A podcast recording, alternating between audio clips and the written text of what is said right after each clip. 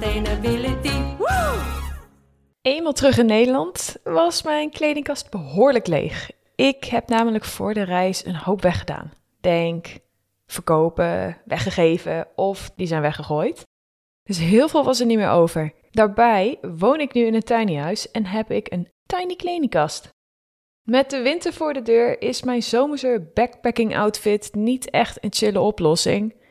Dus hoe ga ik dat kledingdrama aanvliegen? Nou kwam ik tot de ontdekking dat er iets bestaat als een kledingbibliotheek.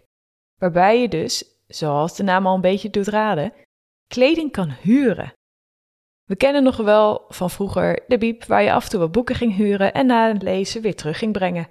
Daardoor hoefde je niet elke keer opnieuw een boek te kopen en te verkopen.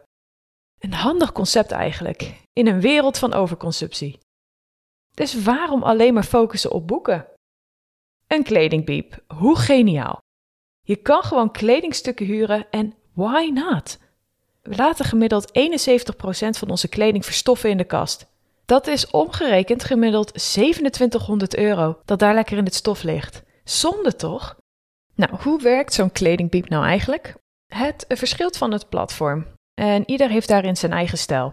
Sommige kledingbieps werken het met een soort muntjesysteem. De andere de betaal je bijvoorbeeld voor een maand en dan huur je een kledingstuk voor een maand, waarna je het weer terugbrengt. Dus het verschilt heel erg en kijk vooral even op de website van de kledingbiep welke stijl een beetje bij jou past. De mogelijkheden zijn in ieder geval eindeloos.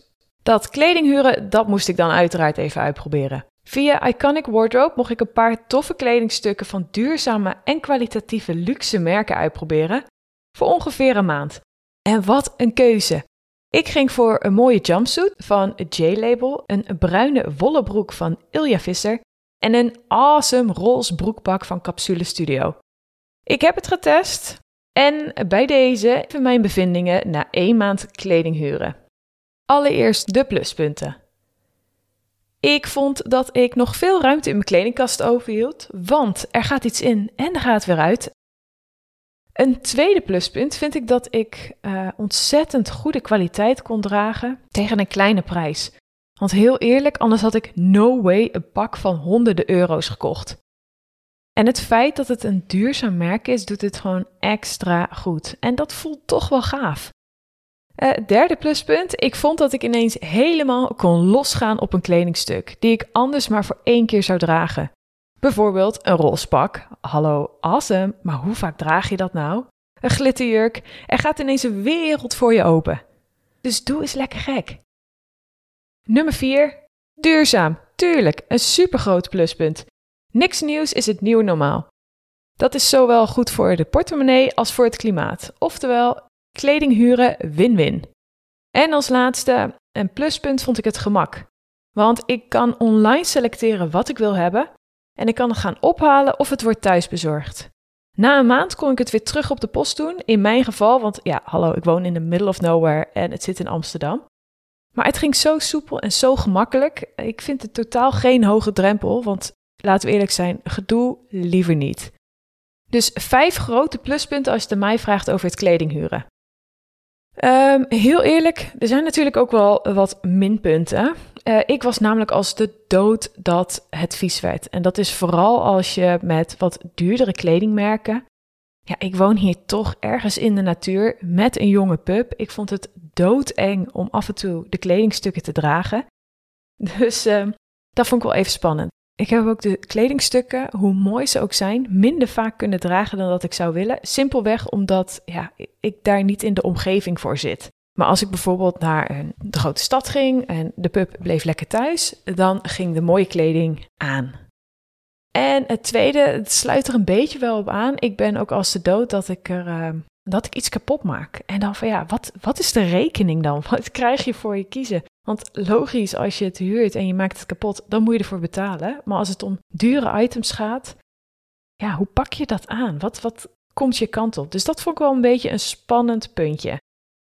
Maar al met al, conclusie, ik ben een heel groot fan van dit concept. Er zijn zoveel gave kledinghuurconcepten al in Nederland te vinden, dat wist ik helemaal niet. Dus ik ga zeker wat vaker huren. Vooral voor de komende feestdagen heb ik mooie huurplannen. Ik ga namelijk naast Iconic Wardrobe ook testen met andere kledingbeeps. Ik heb in de show notes het artikel van Het kan wel toegevoegd. Zij hebben namelijk een heel mooi overzicht van alle kledingbeeps in Nederland. En daar ga ik natuurlijk ook wat van testen.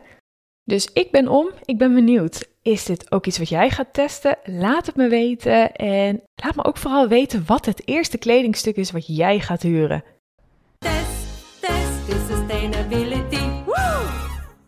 Wat is verduurzamen toch leuk hè? Ik weet niet hoe het met jou zit, maar deze aflevering heeft weer voor die extra groene kriebel gezorgd bij mij. Duurzaam leven zonder gedoe, zo is het maar net. Heeft deze aflevering jou ook geïnspireerd?